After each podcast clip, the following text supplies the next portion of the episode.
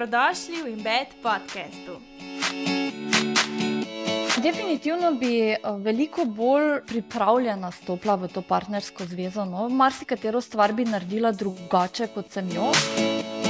In potem si predstavljaš, da se sprehajaš z pregrešno dragim vozičkom po parku in se s partnerjem držiš za roko in se pogledata in si reče, da naše življenje je popolno. Wow.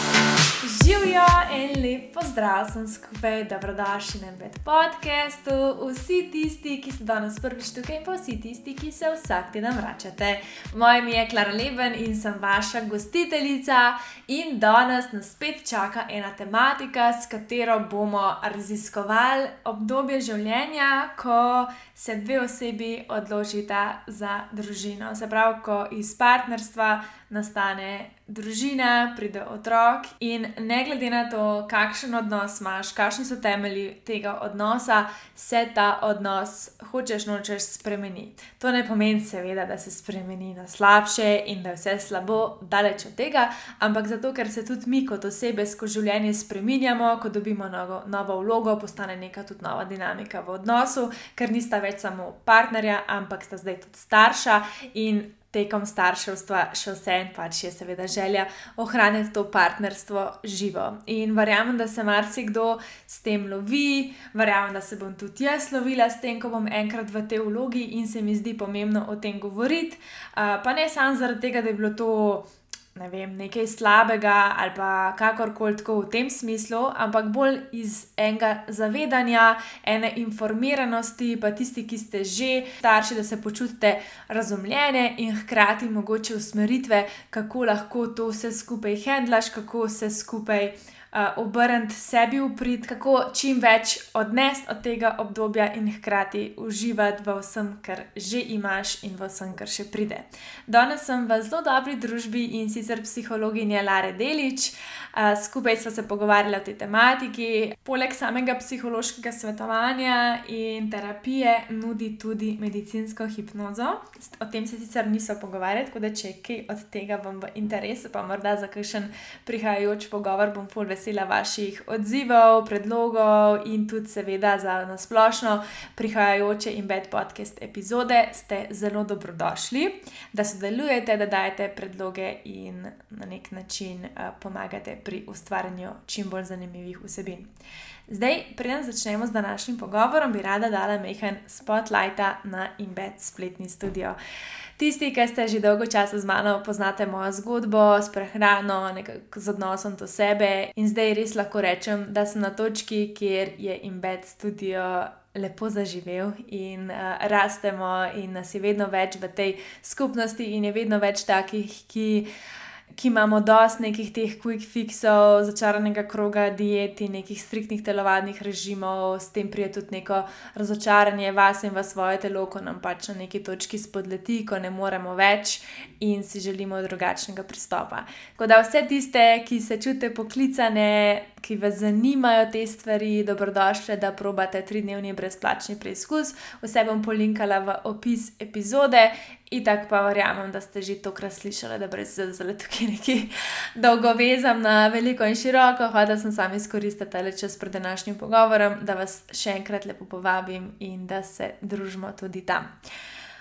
Ok, to je to za tale uvod in predlagam, da gremo kar direkt na poslušanje. Uživajte! Lara, najprej uh, lepo dobrodošla. Jaz bi te najprej lepo prosila, da se predstaviš našim poslušalcem, kdo si, kaj delaš in kaj je bil povod za to, da si šla v to svojo smer. Sem Lara Delič in sem psihologinja po izobrazbi in po duši. Rečem. Uh, ker sem si to res od malega že želela, da bi uh, študirala psihologijo in upravljala ta poklic. Uh, sicer sem tudi sama mamica dveh otrok. Naša družina je sestavljena, kar pomeni, da je moj partner bil prej poročen in ima otroka iz prejšnjega zakona. In je to tudi ena taka uh, pomembna življenjska izkušnja, ki zelo oblikuje moj pogled na odnose, na partnerstvo, na družino. In pa seveda me tudi motivira, da v tej smeri nadalje raziskujem. Ok, zdaj sem dobila tako eno vprašanje, ne, glede nekakšnega uh, partnerstva, že ni preveč osebno. No, ampak, a si imela recimo na začetku, ko si spoznala svojega partnerja, kakšne predsotke v smislu, da je že imel partnerko in otroka, a ne tako, kakšni strahovi, dvomi, kaj to pomeni pol za te, sploh hit v to razmerje, če ima že neko tako zgodovino odprej. Uh, ne, sploh ne, niti malo, zelo neobremenjeno sem vstopila uh, v to zvezo. Bila sem tudi dost mlada, no? Uh, tako da nisem toliko, uh, nisem imela niti toliko izkušenj, da bi sploh lahko pomislila na neke izzive, ki jih to prinese. No. Kaj pa recimo danes, ko imaš toliko enega znanja pridobljenega in pač uh, strokovno in nekako osebno, bi bilo drugače, bi se sprašvala, oziroma kakšne stvari bi se vprašala? Uh -huh. uh, ja, definitivno bi veliko bolj pripravljena stopila v to partnersko zvezo. No, marsikatero stvar bi naredila drugače, kot sem jo, ampak očitno smo pač vsi vpleteni to izkušnjo potrebovali.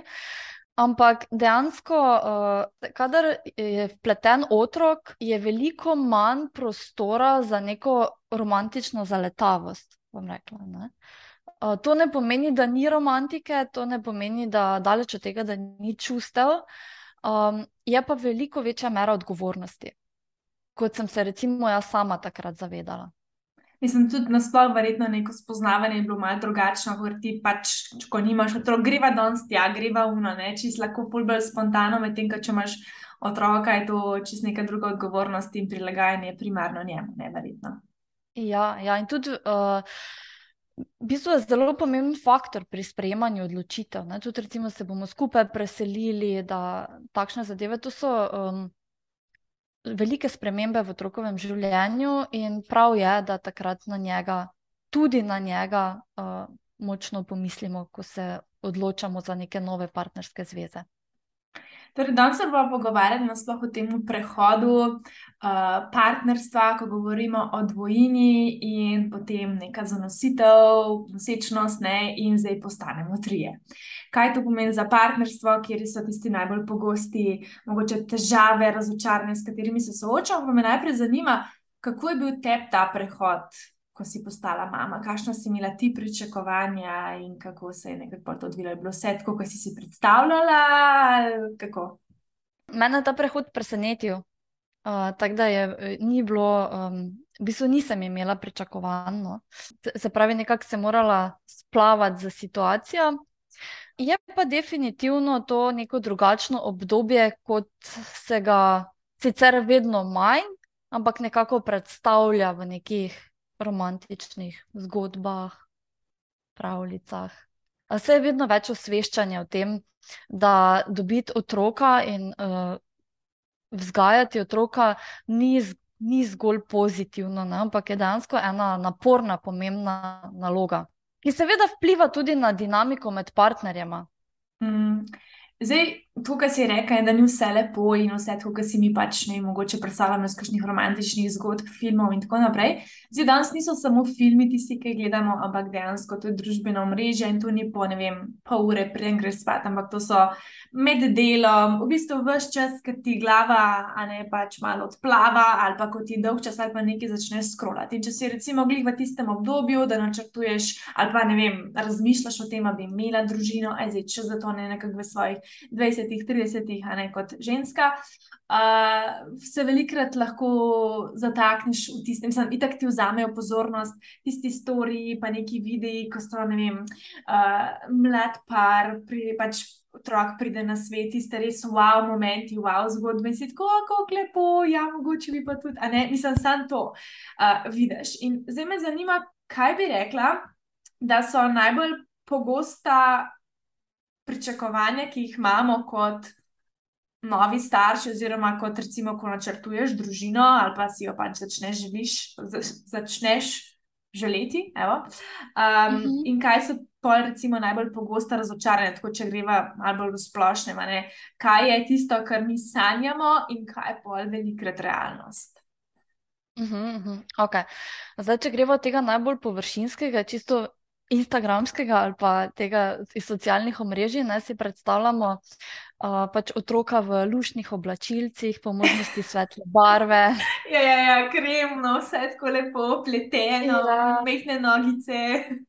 Ja, ki lepo leži v vozičku ali pa v svoji košarici in se carta in um, pač ne, se, čutiš ne, brezpogojno, neizmerno ljubezen do in tega otroka. Tudi partner, ko pride domov, ali pa ki ste skupaj, se tudi oba zaljubljena in ne tako vidiš ti svojega partnerja kot očeta in si cel. Oh, ne, to so ponavadi ti momenti, ki so kot high, a ne mm. najvišji high ever.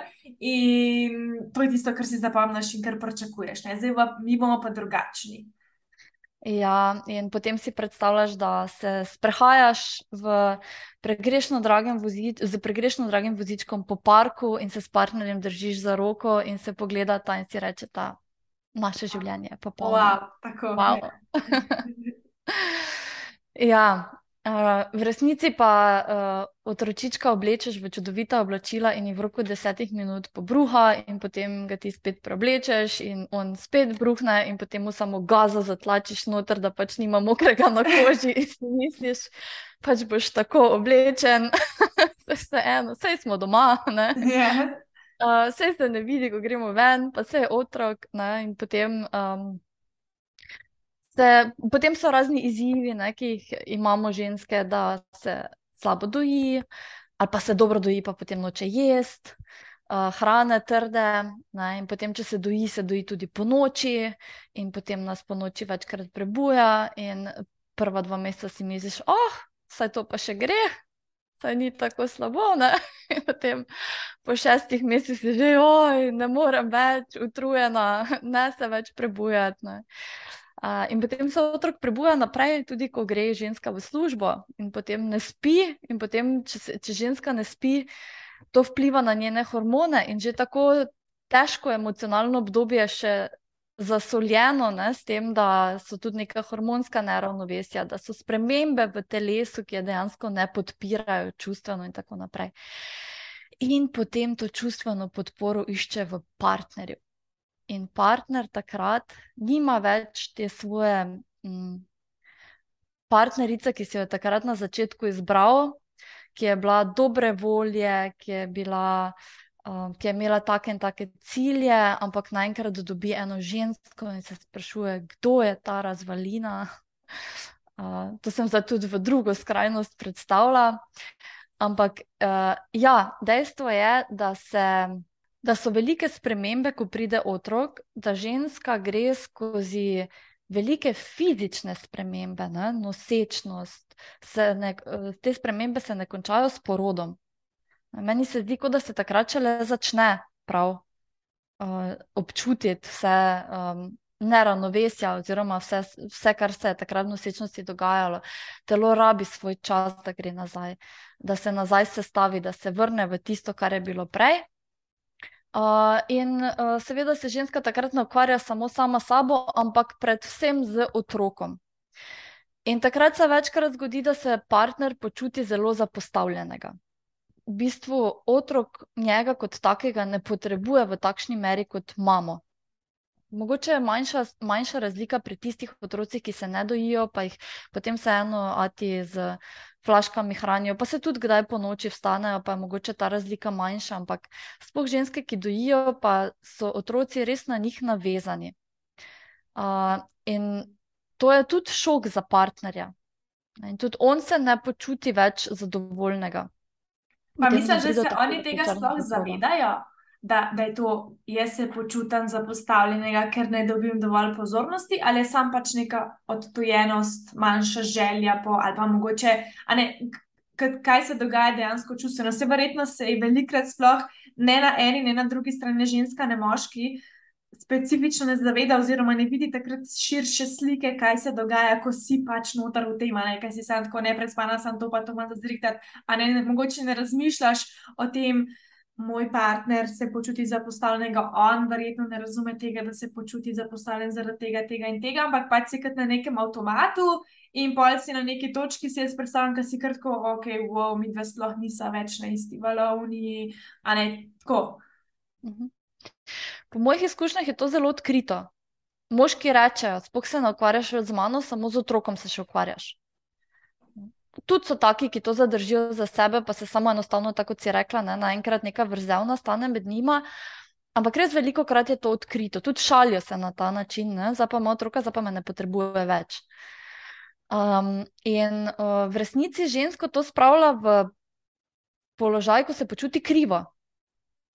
Ker je res to, ker se res ne posveča več toliko partnerju, ampak tudi sebi se teže posveča.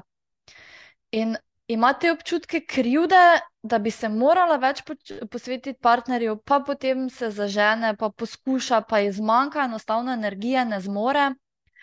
Uh, in potem se to večkrat obrne iz te občutka krivde v jezo na partnerja, ne? ker jo postavlja v takšen položaj. V smislu, vse je na meni, verjetno, ker pač hočeš, nočeš, ima mama drugo vlogo kot oče v, v starševstvu. Ne, ja, vsak ima ja. neko svojo vlogo in v prvem letu življenja sploh uh, je ta vloga na mami. Mislim pač, tudi če bi oče hotel, ne more dojiti, recimo, če se pač otrok polno doji. Ne? Če bi hotel, ne vem, občutiti ali pa nikoli ne bo imel te izkušnje, ki jo ima mama. Res je. In tudi nekateri moški zavidajo to izkušnjo. Torej, moje vprašanje tukaj bi bilo zelo dodatno, kot a ne si verjetno tega ženska ne dela namerno, zdaj pa jaz se ne bom posvečala več svojemu partnerju, ker sem toliko zaposlena. Ampak predvidevam, da se to kot nagonsko samo od sebe zgodi, kot hormonske spremembe, kot, ne, čist kot evolucijsko, da je fokus, hočeš, nočeš, imaš druge prioritete in ti ni tok do neke te romantične partnerske zveze, kot do tega, da pač v splošnem tvoj otrok preživi in gre vsa ljubezen pač tja. Kot nagonsko, čez verjetno, tako si jaz predstavljam, zdaj ne vem, ne, ker nisem mama, ampak predvidevam. Ja, otroci v bistvu dosta učinkovito zahtevajo to ljubezen. Uh, ker sploh uh, v bistvu dojenček je čisto nebogljen čisto nebogljen. On, on rabi pozornost, da se ga previje, da se ga nahrani, da se ga potolaži, da se predela neke njegove čustve in, čustva in stiske, ne, neka neugodja. Zato on rabi mamo, ne, da ga mama, da se ga dotika, da ga carta, da ga pomiri. Uh, in ženska ne da niti ne čuti potrebe, po neki romantičnosti in po uh, tem stiku s partnerjem, ampak ponavadi ne zmore. Enostavno ne zmore, ni več, nima več toliko zalog energije, da bi zmogla. So tudi primeri, ko je ne vem, neki ženski to takšen cilj v življenju, da bo mama, da, da res na neki nezavedni ravni ne rabi ona več partnerja in se samo še otroku posveti. Ampak to je zelo narobe. Ne, ker s tem otroka postavi v vlogo partnerja in s tem veliko travmo in bremen na otroka postavi. Um, ampak večinoma pa je res tako, da ženska enostavno ne zmore, moški se počuti zapostavljenega in se začne umikati. Uh, ženska je še bolj sama, še bolj ima občutek, da sama sem za vse, sama moram za vse poskrbeti in začne v tej smeri delovati, da je neodvisna. In potem na eni točki se toliko oddaljita, da res se jim zdi, da sta dve čisto drugi osebi in ne znata več spohnati skupne točke, cel kup, mogoče tudi za mer se v ozadju nabralo. Se, da, da povemo že tako na začetku, to se ne zgodi v vsaki partnerski zvezi. Ja, mi zdaj tukaj govorimo tako črn scenarij, v smislu, da je vse slabo. Ker iskreno na podlagi ja. tega, kar si zdaj povedala, mene je tako, ok, pa bo pač rajšno imela otroka. Mislim, pač, če je to to, kar dobim od tega. Um, ja. In me zanima, ja, kar povej, sorry. Ne, da je to zelo črn scenarij in zelo skrajen, ampak da pa en del te krize v neki, mogoče v neki, z neko blažjo intenzivnostjo, pa res ta večina parov gre skozi. Mislim, da se premalo govori o tem, veliko se govori o ženski. Ne? Pa še to premalo o njenih čustvih v tem času. Ampak veliko se govori o vlogi ženske in mame, in tudi veliko smernic o vzgoji leti na mame, kako bi mame morale in tako. Pozabimo pa tukaj na vlogo moškega. In, je, in dejansko kakšna je, če vprašamo poprečnega posameznika, kakšna je vloga moškega tukaj? Kaj se od moškega pričakuje, kaj bi naj on? Noben, ne, mislim, večina ne zna odgovoriti na to. In kakšna je njegova vloga? Vloga moškega je, da poskrbi za žensko. Tradicionalna. Mama, takrat, ko ima otroka, do dejansko tretjega leta je otrok z mamo v simbiozi. To pomeni, da sta ona dva dejansko kot eno funkcionirata. Uh, ko, ko je dojenček, ko se pravi, ko je še otrok dojenček, ko je majhen, on dejansko ne loči sebe od mame kot dve različni entiteti, ampak ima mamo kot del sebe. Uh, in dobra mama takrat izklopi svoje potrebe, zato da poskrbi za otroka, da, da v bistvu vzame otrokove potrebe in si jih postavi kot prioriteto. In to je normalno, to je evolucijsko potrebno, to je to ženska res, ko dobi otroka, začuti, da to hoče, da je to polni, da, da dobiva od tega nazaj. Uh, in uh, potem pa je tu moški, ki pa vseeno v tem času poskrbi za žensko, za njene potrebe. Se pravi, izklopi svoje. Kot kaj recimo? Recimo, da on njej pomaga skozi čustvene stiske, ki jih takrat doživlja. Da, ji, da jo razbremeni okrog nekih stvari, ne mogoče tudi okrog gospodinstva. Ok, to danes to niso copate, ki to delajo. Ne, pač, uh, moški ne rabijo več sekadrv, mogoče če živijo v hiši, kosijo travo, ampak veliko je manj teh tradicionalno moških opravil. Tudi konec koncev ni več na moških, da preživljajo družino, ampak je ta vloga veliko bolj. Um, Ta naloga je veliko bolj enakomerno porazdeljena med partnerjema, ne? vsak nekaj prinese v večini partnerskih zvez.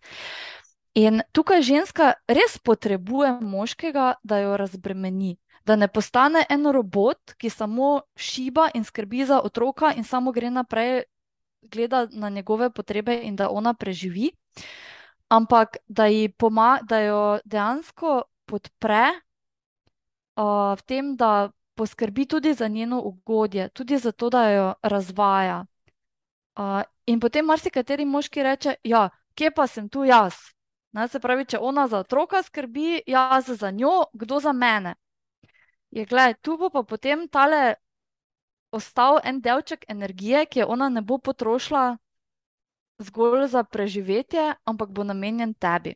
In tukaj je potem prostor za vajno partnersko zvezo, za romantiko, za povezovanje s partnerjem, za tisti, uh, ko si rekla, zavesten pristop k odnosu. Uh, in uh, čeprav bo tega manj, in bo tudi veliko bolj organizirano, kot je bilo prej, bo to še vedno prisotno. In otrok bo zrasel, hitro bo zrasel, po četrtem letu že čisto drugače potrebuje mamo in vedno manj potrebuje njene fizične prisotnosti in pomoči. In takrat bo spet čas in prostor za večji zavoj. Sam, recimo, če tri leta, a ne gre vse na vzdolj, recimo temu ali pa da je skozi neka bitka, uh, ne, ali pa neka nepovezanost. Pa Kaj je meni do tega, da bo pa tri leta ali pa štiri leta star, da bo pa mi dva zdaj bila povezana, če štiri leta že niso. A veš, kaj mislim? Ne? Da, da v bistvu, da mhm. spet to je, tako se mi za vse, kar govoriva, je v smislu, kaj se zgodi, če si na nekem avtomatu in nisi prisoten v situaciji, kjer se dogaja, oziroma um, ja, se ne soočati z nekim nelagodjem, ki pride zraven.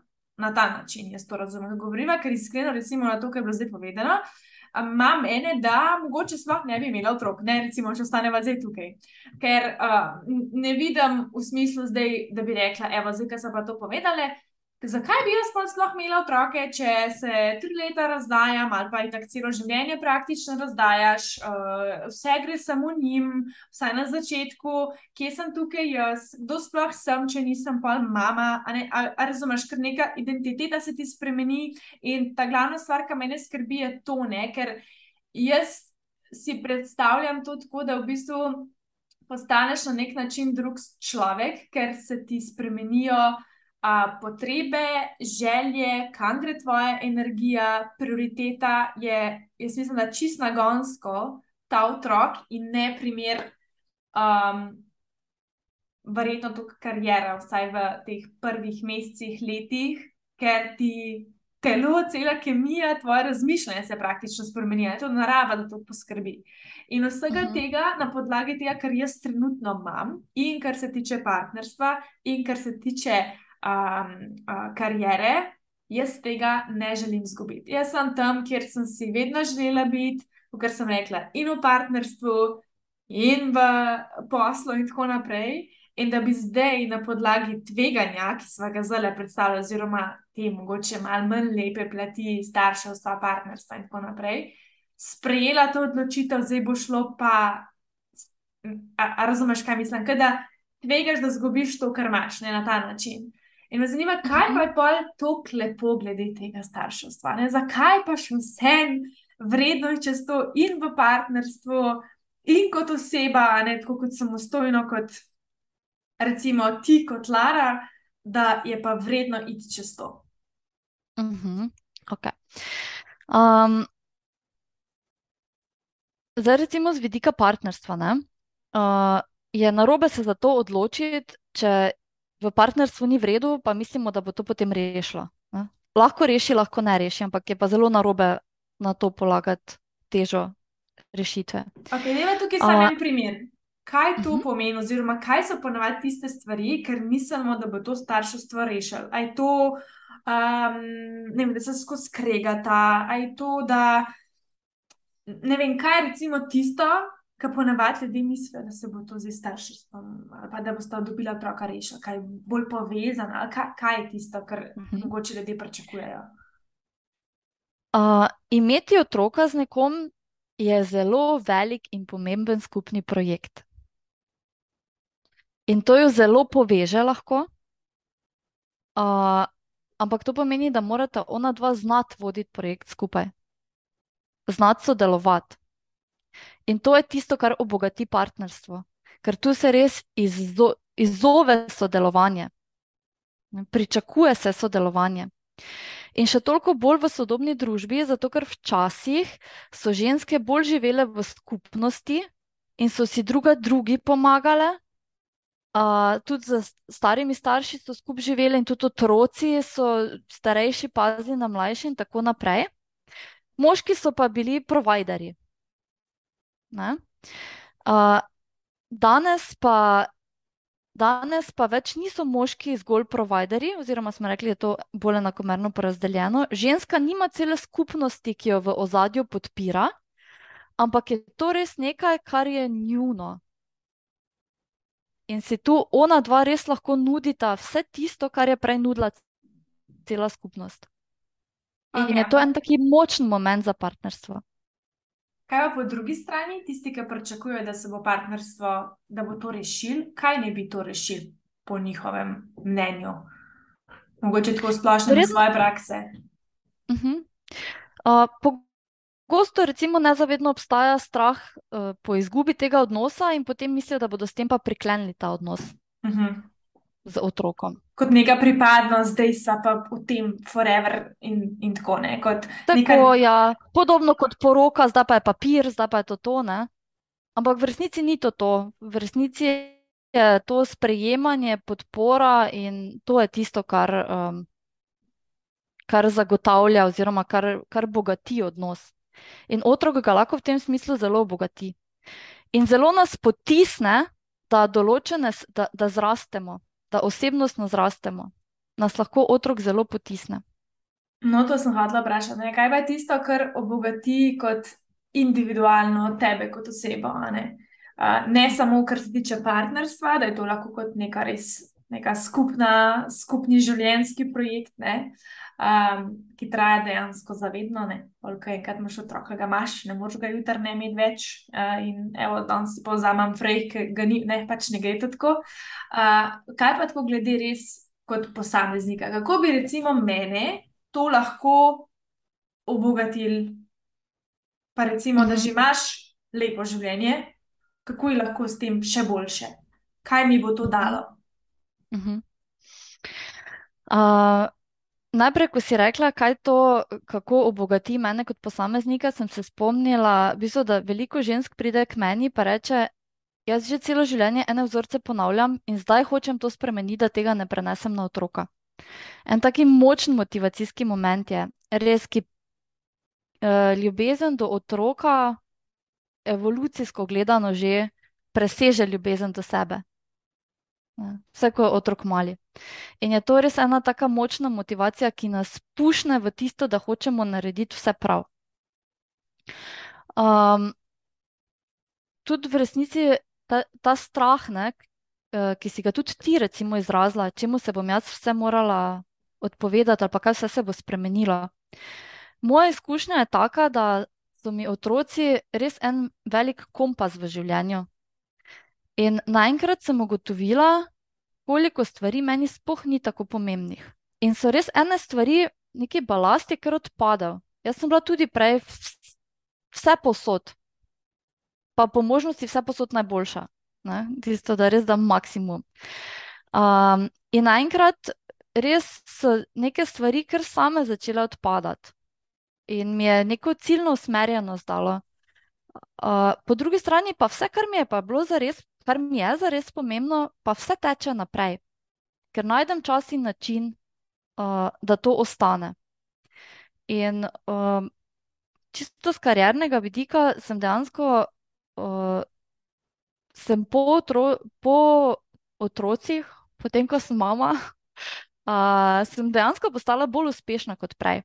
Meni, recimo, kot ženskim je dalo eno zelo veliko samozavest, ki jo mnoge ženske čutijo po porodu, nepremagljivost da, um, da sem tudi drugače nastopila, da sem tudi neke stvari drugače zahtevala, pričakovala, bolj agresivno, ne nasilno, ampak bolj agresivno.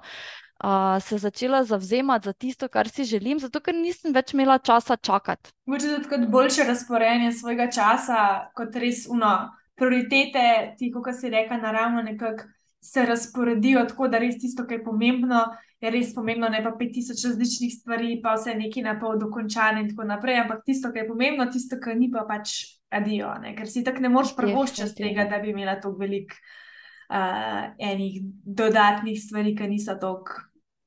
Pomembne, kako ne rečem. Ne. Vsaka kavica, ki ti je napiše, da ima se dobiti, pa si tako, jo, nisem da videla že dve leti, za kaj zale.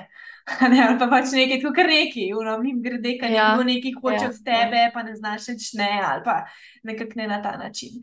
In tudi zadnjič sem poslušala en podcast, od ene ženske, ki je tako sicer bolj spiritualnostjo, pa to se ukvarja, ampak je tako rekla, da v bistvu je bilo to tudi njo ful strah, kar se tiče karijere in tega, ne kaj pomeni, ko dobi otroka in da bi bilo to strah, recimo, da bi šlo tudi finančno navzdol ali pa ne vem, da bi bil to nek tak izziv, ampak je tako rekla, ne, da dejansko. Kakorkoli pogledaš, so otroci, ti prenesejo, hm, kako ne rečem, abundance, se pravi polnost, uh, polno, tudi kar se tiče financ. Zato, ker v bistvu pa takrat res začneš sprejemati odločitve, ker nisi odgovoren več samo zase, ampak tudi za svojega otroka. Ne želiš ne uh mhm. -huh. samo sebi omogočati, recimo, da greš nekam na potovanje ali pa nekaj, da vidiš samo to, ampak res neko finančno neodvisnost, finančno svobodo, ki ti pač prinaša tudi svobodo odločitev. In to želiš tudi predati naprej svojemu otroku. In na ta način se v bistvu, kot je ona razlagala, spremeni celo razmišljanje, cel sistem, kako pač deluješ in da ne rabi to v slabem smislu, ne pač, ok, nek strah je verjetno vedno prisoten, preden si v tisti situaciji, ampak da res, ko so otroci, ta um, neko novo rojstvo, novo življenje, da je to vedno neka polnost, ja, s svojimi izzivi, ampak v splošnem polnost. Uh, uspeha, tudi kar se tiče te osebne rasti, o kateri smo mi dve govorili, a ne kot da se prirodiš v neko novo osebo in greš na nek nov nivo, ki ga prej še nisi poznala. Mhm. Naenkrat ugotoviš, kdo želiš biti. Ko se vprašaš, želi, ka, kako želim vzgojiti svoje otroke, kakšne osebe želim, da so, si odgovoriš tudi, kakšna moram jaz biti, da to z njim zmorem predati. In potem začneš to delati, in potem začneš to biti. Uh, in ja, prvo odpadejo tiste stvari, pri katerih uh, se vprašaš, ali to delam za sebe ali to delam za druge pri katerih izgubljaš čas, res kar del. tako, to hitro potem leti. Uh, tako da, ja, sploh za žensko je to res en tak um, močen moment. No. Kaj pa je pa glavna razlika med pari, ki jim gre ful dobro kot novi starši, in med tistimi, ki začne ta zveza, recimo, razpadati? Ali je to tudi mogoče, koliko so si želeli postati starši, ali koliko ima recimo ta tudi uh, oseba, mogoče tudi kot ženska, neko to materinsko, materinski čutek, kako ne rečem, da je že. Prej tako skrbna, in da mogoče pa tudi v tem smislu ne vidi tega, da je vse na njej kot breme, ampak nekaj, kar si je vedno želela. Kaj bi, kaj bi bili, recimo, tisti faktori, ki so za uspeh ali pa za neuspeh? Jaz mislim, da je ključno usklajena pričakovanja. To, da tisti, ki imajo, tisti pari, ki imajo usklajena pričakovanja, dobro funkcionirajo. Pa če to pomeni, da se ženska zelo dobro počuti kot gospodinja, da izpolnjuje to, da je mama in da ne želi nič drugega, moški pa pač potem nosi denar, pa ima tisto tradicionalno moško vlogo, ona dva super funkcionirata skupaj. Ampak večina, predvsem žensk, ne, pa tudi moških, danes več tega noče. Tako da, kako lahko dosežemo usklajena pričakovanja, uh, tako da do, učinkovito komuniciramo, da dobro komuniciramo, odkrito, iskreno. In za dobro komunikacijo je ključno, pa za iskreno komunikacijo je ključno, da ne samo, da povemo, kaj si mislimo in želimo, ampak da na drugi strani tudi zmoremo sprejeti to, kar si partner želi in kaj nam sporoča. Kaj pa so recimo tista pričak pričakovanja, tista vprašanja, ki bi bilo fajn, da se, se pravi, jih vprašamo, mogoče še preden imamo otroka, ne? glede partnerstva, glede teh pričakovanj. Ne? Kaj se je sploh treba vprašati, ker vredno, dokler nisi v tem, sploh za veliko stvari ne veš, da bi se jih mogel preoprašati. Uh mhm. -huh. Ali se mi dva v redu dogovarjamo glede pomembnih življenjskih odločitev? Ali učinkovito iščemo kompromise, oziroma ali te, te najpomembnejše vrednote, ali so nama skupne? Kje so ali se znamo okrog tega? Vsak posameznik jih ima. Vsak ima za sebe ne, neke, neko lestvico vrednot. Um, kaj mu je pomembno? Ampak meni se zdi, da se veliko ljudi sploh ne zaveda, kje so tiste vrednote, kaj, kaj, kaj sploh so moje vrednote. Kako, ja. kako mogoče to sploh znati določiti? Imáš mogoče kakšno vprašanje, ki bi se jih lahko vprašala vsaka oseba, da bi sploh ugotovila, katere so tiste vrednote, ki jih želi imeti v svojem življenju, tudi kar se tiče partnerstva in pač družinskega življenja. Ja, obstajajo razno razni vprašalniki, uh, ki potem dajo neko, uh, neko orientacijo, zakaj nam je pomembno. Ne? Lahko pa tudi to prepoznamo tem, um, skozi to, da se opazujemo. Predvsem, da se opazujemo v situacijah, ki nas razjezijo, ki nas razočarajo, razžalostijo, in se vprašamo, zakaj se je zdaj to zgodilo. Kaj sem jaz tukaj pričakovala in kaj sem želela, in zakaj mi je bilo to pomembno. In to, kar mi je bilo pomembno, je moja vrednota. In očitno je to nekaj, kar jaz iščem in potrebujem v partnerstvu. Se pa potrebno zavedati, da se vrednote skozi življenje spreminjajo. Obema partnerjema. In zato je toliko pomembno, da se tudi, um, da tudi učinkovito komunicirata in da zmoreta se podpreti in iti skupaj skozi take spremembe. Meni se zdi, da sploh tako danes mislimo, da je dobro partnerstvo spet na podlagi družbenih omrežij in vsega, kar vidimo, pa mogoče nekega idealnega, one in a million razmerja, pa še tega itek ne poznamo, dobro, če ni naše. Ne? Da je uspešno partnerstvo sam tisto, ki je lepo, ki se vse čas, ali da se skozi družta, ali da ima ta vse skupno, ali da se nikoli ne kregata, ali da ob svojem partnerju nikoli ne doživljaš nekih negativnih občutkov, a ne da če so negativni občutki, ne strinjajo, da je to potem rdeč alarm, a ne takoj v te absolutne stanje spet nismo za skupaj, ali so pa popolna, a ne da to mestno, mm -hmm. da je pač, oh, kva, ne, to pa ne. ne. Tako da mogoče, kar si to omenila glede teh občutkov, se pravi, ko me nekaj razjezi, sploh ko je vem, partner na drugi strani, tisti, ki je nekaj naredil, rekel, da me je razjezilo, in se pa v bistvu na podlagi tega tudi ne ti malo stvari postanejo jasne, kaj je tisto, kar ti pomeni. Pa to, da ni to samo zdaj za usmetiti, zdaj pa, ker se tukaj le ne strinjava, zdaj pa adijo. Ampak kaj lahko so ti občutki kot neka priložnost za recimo rast v partnerstvu? Bi rekla, da je normalno to, da se ne strinjaš, ne, da, to, da, ne vem, ne, da, da lahko prideš vsem skupaj, kljub ne strinjanjem. Mm -hmm. Ja. Lahko tudi niti ne prideš skupaj, pa se oba sprejmeta, da pač tu glede tega mislita ali pa počneta vsak po svoje. Partnerstvo je zelo um, subjektivna domena. Ne? Vsak za sebe mora vedeti, ali se v tem počuti v redu, ali je njemu to v redu, njej. To ni nekih univerzalnih receptov, menikov. Um, in ni omenila si nekako, ja, to, to idealno predstavo, da se ne kregam z partnerjem. Da. Uh, v bistvu dobro partnerstvo ni tisto, kjer ni konfliktov, ampak tisto, kjer se konflikti dobro rešujejo kjer se eh, iz konfliktov raste, kjer se konflikte uporabi za to, da sta na koncu partnerja še bolj povezana, da še bolj vesta, kje vsak za sebe stoji in kje stojita skupaj. Nemogoče je, da v današnjem svetu, ker nismo ekonomsko odvisni drug od drugega, da ne bi imeli konfliktov, na skrižja interesov in drugačnih pričakovanj. In tu je potem stvar med partnerjema, da si najdeta to vsak za sebe prostor znotraj tega, da si postavita meje in določita, dokot gresta drug drugemu nasproti, dokot si popuščata, kje pač sprejmeta to, da ima vsak neko drugo željo, oziroma koliko lahko neke osebne svobode znotraj tega si dopustimo. Mm, pa kje si recimo ti kot svoja oseba, brez tega, da bi bilo vedno povezano s tvojim partnerjem. Se mi zdi tudi to pomembno meta, ne?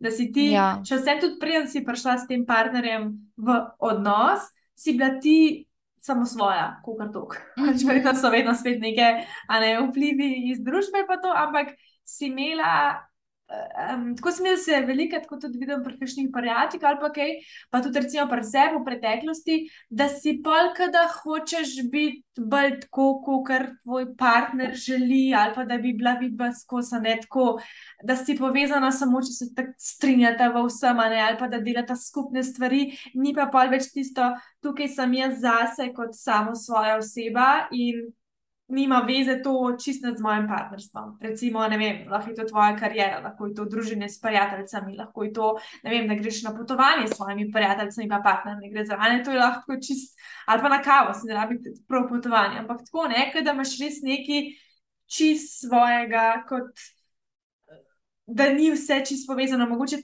tisto pač v tej potem materinski vlogi, kad s tem, da si mama ali pa s tem, da si partnerka, ampak ti kot samo svoja oseba. Mhm. Ja, definitivno. Se strinjam, moraš, moraš biti nekje tudi samo ti. Ne, da, ni, da ni tega zlivanja v odnosu, se temu reče, ko se prelije identiteta, ko se sebe skozi partnerja doživljam, oziroma skozi najo, nikjer, nikjer pa ni mene. Uh, in to se to, v to nas lahko zanese uh, v materinstvu, sploh v teh prvih letih življenja otroka, so res mamine potrebe malo na stran postavljene. Ne? Ampak tu je potem partner. On, on ji omogoči to ženski, da je lahko ona tudi samo ženska um, in da še vedno gre na pijačo s prijateljicami in zmore to energijo, da gre. Ne da je cela zmatrana, potrujena, ampak da je tukaj stoji na, na strani, da ji pomaga, da prevzame odgovornosti in da je on tako kot mama pomaga otroku neke čustvene stiske predelati, tako da moški stoji ženski ob strani in zmore vzdrži tudi njeno čustveno stisko mamino.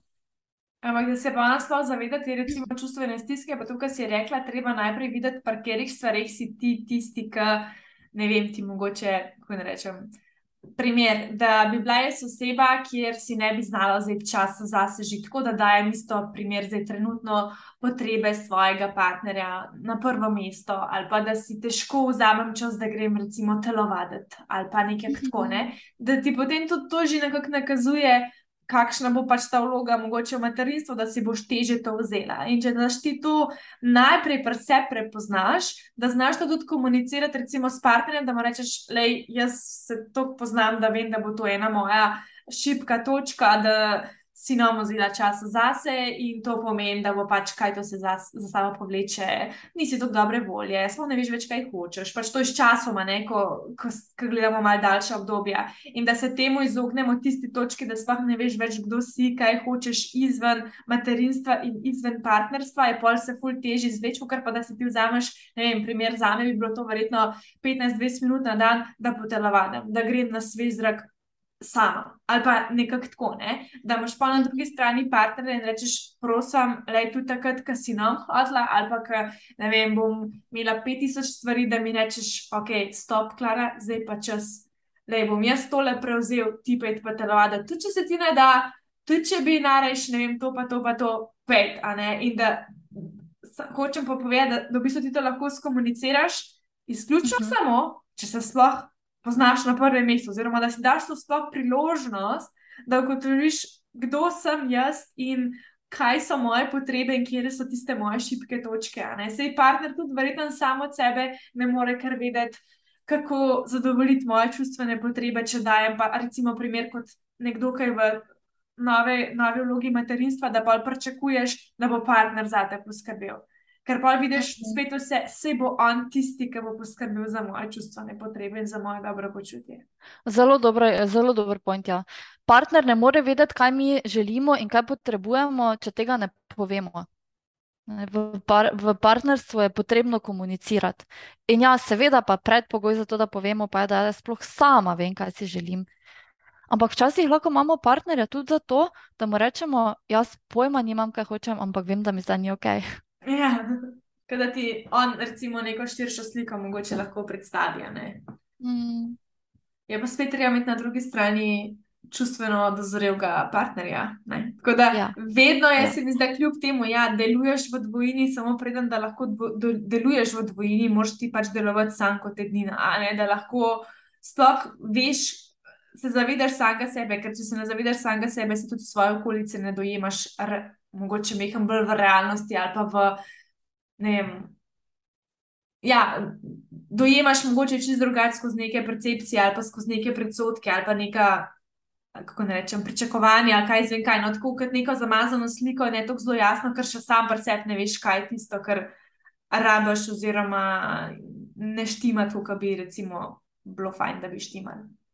Ne, neko mhm. prepoznavanje sebe, svojih občutkov in biti zmožen sam s svojim nelagodjem. To tako splošno in kot to svoje nelagodje, ne glede na to, kaj je, aj to pomankanje časa, aj to nesprejemanje svojega telesa po porodu, aj to, um, ne vem, ne, pač karkoli, ne, ne strijanje v partnerstvu, pač znati biti sam s svojim nelagodjem. To se mi zdi ja. pod črto, da je ključna stvar za karkoli, v poslu, v partnerstvu, prijateljstvu, v katerih koli odnosih, ki jih imaš, ne? tudi sami sabo, seveda, na prvem mestu. Ja, tako, to je znak zrelosti, da, da zmoremo prenesti frustracijo, da zmoremo iti skozi frustracijo. Ampak, um, mogoče še na svete, kako se soočati z nelagodjem. Kako to se mu ne umikati s telefonom, s hrano, z nekimi impulzivnimi avtomati, na katerih smo. Ne, ne bo to sladkarija, ne bo to uh, prenajedanje, ne bo to ne vem, res biti na telefonu, ignorirati svoje, pač samo da se omakneš temu nelagodju, ne, alkohol, kaj zvem, kaj vse imamo na razpolago danes. Ja, neugodje se praviloma omikamo takrat, ko imamo prepoved na to neugodje. Na to v bistvu nosimo iz otroštva. Recimo, ko je nekdo, ki nima prepovedi na žalost, ko je žalost, mu ni nič druga za delati, pač se utaplja v te žalosti, hoče biti žalosten, rabi to žalost. Da, da predela to, da se preda temu čustvu. Nekdo, ki je jezen in ima prepovedi na jezo, bo, ne, bomo, ne bo hotel takrat potlačiti tega. Ne? Ono razžira ga, da to izrazi, kak je jezen. Nekdo, ki pa ima na to prepoved, pa tega ne sme izraziti. Mogoče ta prepoved gre celo do te mere, da niti ne sme čutiti tega. Ne, ne bodi žalosten, potem je mami tudi žalostna. Fanti ne mhm. jočejo. Ne? Uh, čisto v bistvu ne hote, a pa z najboljšimi nameni, starši včasih kaj takega povzročimo. Ali pa na jezo, ne? ne spodobi se, da se tako kot punčka, se tako grdo dereš, tako grdo obnašaš. Ne? In uh, mogoče obnašanje res ni primerno, ampak potrebno je otroka naučiti, kako to isto tenzijo izrazi na primeren način, ne pa da ni zgolj, da ni vredno izraziti. In potem, ker v telesu nastane energija, ker vse vemo, čustvo je fizična reakcija, hormonsko neravnovesje, to je boost energetski. Potem je to mora iti ven iz našega telesa in, in, in gre ven ali skozi kakšne odvisnosti od hrane, od cigaret, alkohola, uh, ali skozi neke poškodbe na telesu, zakrčenosti, o tem se veliko govori, razne avtoimune bolezni.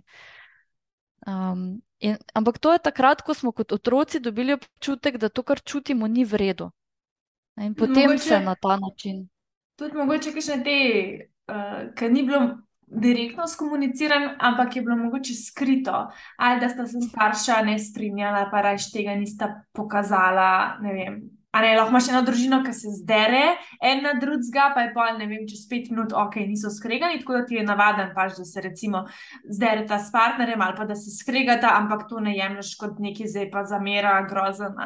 Medtem, ker recimo, če je nekdo iz družine, kjer so bili konflikti skriti, in zdaj primer začuti v svojem odraslem življenju, konflikt s svojim partnerjem, je to kot rdeč alarm. Kako, a ne, kot zvezo si jaz predstavljam, kot da se počne kregava, ne, primer. Ali pa je verjetno isto žalostjo. Vem, jaz sem vedel, svojim, da, smo, da če je kdorkoli jokal, je jokal pa za zaprtimi vrati. Ni, ni bilo to, da zdaj jokamo skupaj v dnevni sobi. Ne, vedno je bilo nekako to, ne vem, če je bilo karkoli da tako da recimo, meni bilo recimo še danes, kar mal neroden jokat ne, na ta način. To je tako, vsak, kot ste rekli, vsaka neka dinamika, ampak spet ne rabi to direktno skomunicirati, a ne kot kar je, ne vem, lahko je tudi recimo glede hrane, pa tega vse moraš pojesti, ne, hrane, hrane se ne meče stran in tako naprej. Ja, se je, ne, sem še vseeno, ne pač, da se pa ti bašaš, se gre tako pa drugače čez tebe, ali čez tebe, ali pa v smeti, kot se to grdo sliši. Ampak tako, ne, neke te stvari so pa lahko čist, kot si ti samo opazoval, ali pa ti niso bile um, jasne, so bile bolj tabu, mogoče tudi kar čez spolnosti in vsega tega, kar zdaj seveda doživljaš, pa vse te občutke, ki so bili preiskriti v odrasli dobi. Ja, in eno tudi uh, pomembno stvar si vmes rekla, aha, da se ne skregaš v partnerski zvezi, oziroma da ne izraziš jeze. Ne? Veliko krat je to tudi vezano na to, da ljudje ne znajo združiti ljubezni z jezo. Se pravi, če sem jaz jezna na partnerja, to pomeni, da jaz njega ne ljubim. Ne? In tega se vstrašim. Če me partner razjezi, se tega vstrašim in to potlačim. Ne smem biti jezna na njega, ker to pomeni, da ga ne ljubim pa tudi ne prenesem tega, da je on jezen na mene. Ampak to sploh ni res. Ljubezen in jeza gresta skupaj. Sploh tisti, ki jih imamo zelo radi, nas še toliko prej razjezijo, ko ogrozijo neko našo vrednoto, prepričanje, zato ker nam je pomembno, kaj si oni mislijo in kakšen odnos imajo do naših vrednot. In ravno zato, ker so nam pomembni, so nas razjezili, ne pa zato, ker je to znak, da jih mi ne ljubimo. In enako nas lahko ljubljena oseba razočara in lahko nas razžalosti. To vse gre skupaj. Ljubezen je kompleksna in združuje celo paleto čustev. In vsako čustvo nam je informacija. In pomembno je, da, to, da prepoznamo to informacijo. Se pravi, da ne, spet greva nazaj na tisto, dovolimo si čutiti to čustvo. Uh, smo s svojimi čustvi, svojo frustracijo in svojim nelagodjem, in ugotavljamo, zakaj je prišlo prav zdaj do tega, uh, in um, zakaj prav ta reakcija, se pravi, zakaj prav to čustvo, zakaj zdaj in zakaj prav to čustvo, in kaj mi to govori. Kaj bi rekel, da so recimo mogoče, kar ti počneš, ali kar priporočaš svojim klientom v praksi, in tako, da so kakšne rutine. Um, ki jih lahko vsak dan izvajamo, ko nam vzamejo toliko velik časa, ne recimo v 10, 15, 20 minut na dan, ki nam pomagajo, da s, konsis s konsistenco pridemo do tega, da se počutimo bliže sebi in sploh da razumemo, kaj so naše potrebe in vrednote. Recimo za me je to vadba. Ne? Jaz tudi, če se uno zbudiš neki živče, ne veš točno, kaj je nekako tesnobno, neki neki in pa ko grem trenirati prvo kot prvo, zadihaš, sprostiš telo, daš ta stres stran, hkrati pa končno lahko razumeš, kaj je tisto, kar te je sploh spravilo v to. Ne mogoče res nek tak čas samim sabo. Kje so mogoče tvoji načini ali pa priporočila? Zdaj bom dala zelo nekonkreten odgovor. Uh, jaz bi priporočala, da raziskujemo sebe in da ugotavljamo, kaj nam paše. In definitivno sem velik zagovornik uh, zdravja, tako psihičnega kot fizičnega. Uh, in se mi zdi, da je to nekaj, kar se, oziroma zagovarjam, da se to vsakodnevno vzdržuje. Zdravje nam omogoča blagostanje in zadovoljstvo v življenju, in vse drugo potem. Uh, ampak kako to dosegamo? Mogoče je glede fizičnega zdravja so dosti bolj jasne smernice, kot glede psihičnega zdravja in blagostanja. Uh, zato, ker tu jasnih smernic ni, ker smo si toliko različni, ker imamo toliko različne potrebe, ki se spreminjajo tudi skozi naše življenje. Uh, Tako se mi zdi pomembno, da sami sebe raziskujemo in da smo pozorni na sebe. Ko bomo to počeli, bomo zagotovo prišli do ene točke, kjer pa sami ne bomo vedeli, kako naprej. In takrat spodbudim ljudi, da si poiščejo neko pomoč oziroma podporo. Ker takšne blokade, o katerih danes govorimo, te prepovedi na čustva, um, te uh, nezmožnost združevanja ljubezni in jeze in tako naprej, to so neke globoko v nas zakorenjena prepričanja, ki se jih praviloma sami ne zavedamo, ker če bi se jih zavedali, jih ne bi imeli. Ampak, um, ko smo mi v gozdu, vidimo drevesa, in ne vidimo, cele, ne vidimo gozda in ne vemo, kako ven iz njega. In je ok, da imamo takrat nekoga, ki nam pomaga iz neke druge perspektive. Se pravi, ki ni markacije, ne markacije, da te pili markacije. Ja, ja, ja, tako. In je nekdo, ki vidi ta gost z drugačnega zornega kota, in uh, nas takrat usmeri ven, in brez veze, da se da, uh, zgubljamo energijo in šetkamo po tem gozdu in se izneumimo, če pa lahko v bistvu si tako enostavno rešimo nekaj zadev. Mislim, ne enostavno, hitro, enostavno ni nikoli, to so vedno procesi, ki jih je treba prebaviti. Mm. A pa imaš ti recimo kakšno rutino ali pa kaj, kar imaš v svojem življenju, ki ti omogoča to, da si pač samo ti kot Lara, ne kot mama dveh otrok ali pa partnerka, ne? a so kakšne aktivnosti, ki jih rada počneš ali pa nekaj takega? Enkrat na teden grem na Mariborsko pohorje, sigurno. Pa uh, to, to sem res čisto sama. Uh, sicer pa evo, ena taka stvar, ki je za mojo dušo, je pa ples. Jaz zelo rada plešem, in hodim uh, skoraj tedensko na plesne večere, reskiram eno neprespano noč, ampak to me napolni na drugačen način kot to, ko sem sama sabo. Na, tako da v bistvu jaz osebno rabim dinamiko, rabim in to uh, poglabljanje v sebe in biti za sebe. In rabim to neki zunan, zunanje držaje, biti v družbi, biti uh, v intenzivnem dogajanju. Recimo, to sta dve takšni stvari. Sicer pa normalno berem knjige, hodim v skupinske terapije, hodim uh, tudi zaradi, sam, zaradi same izkušnje, hodim na različne obravnave in vedno iz vsake izkušnje dobim nekaj za sebe. Ne samo poznavanje procesa, ampak vedno nekaj novega o sebi odkrijem. Če bi zdaj lahko, tako kar so danes malo zajele glede partnerstva, obnovile, se pravi, kaj so pomembne mogoče pomembni koraki, pomembne stvari, um, ki jih lahko naredimo, da bi šel ta proces iz neke dvojine v množino malo lažje in kot osebnostno, in kot za celoten partnerski odnos. To, da se partnerja pogovarjata iskreno. Da se pogovarjata iskreno in to, kar drug drugemu povesta, ne vzameta osebno. Da mi, da mi zmoremo spregovoriti iskreno, moramo biti prepričani, da bo to sprejeto, da ne bo zamere, da ne bo občutkov krivde, da ne bo mm, jeze na drugi strani. Ali pa tudi, če je, da, ni, da ne pride do umika, ne, da se ne umaknete, ampak da, reče, da, da zmore tudi drugi partner reči: Glej, to, kar si zdaj rekel, me je razjezilo, jezna sem in kako, kaj bo zdaj s tem kako bo šla skupaj skozi to.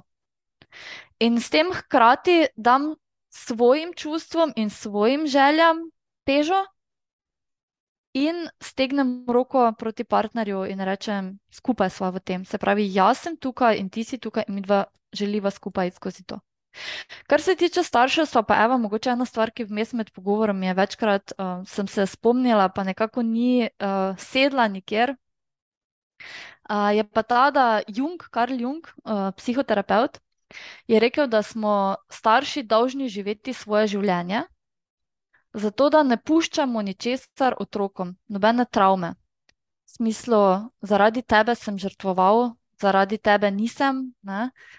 Dolžni smo živeti svoje življenje, dolžni smo se izpolnjevati, slediti tistim ciljem, ki so nam pomembni.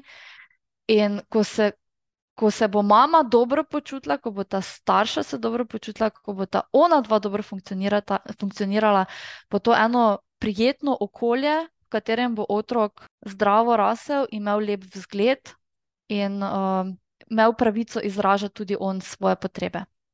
Ok, zdaj pa res še čist zadnja misel za konec. Bi te sam prosila, da vsem poslušalkam danes nameniš karkoli ti pade na pamet, kot en zaključek, kot eno misel um, za naprej. Mogoče to, da ljudje nismo preživeli zato, ker smo najmočnejša vrsta v smislu posameznika, ampak zato, ker smo znali živeti skupaj in sodelovati.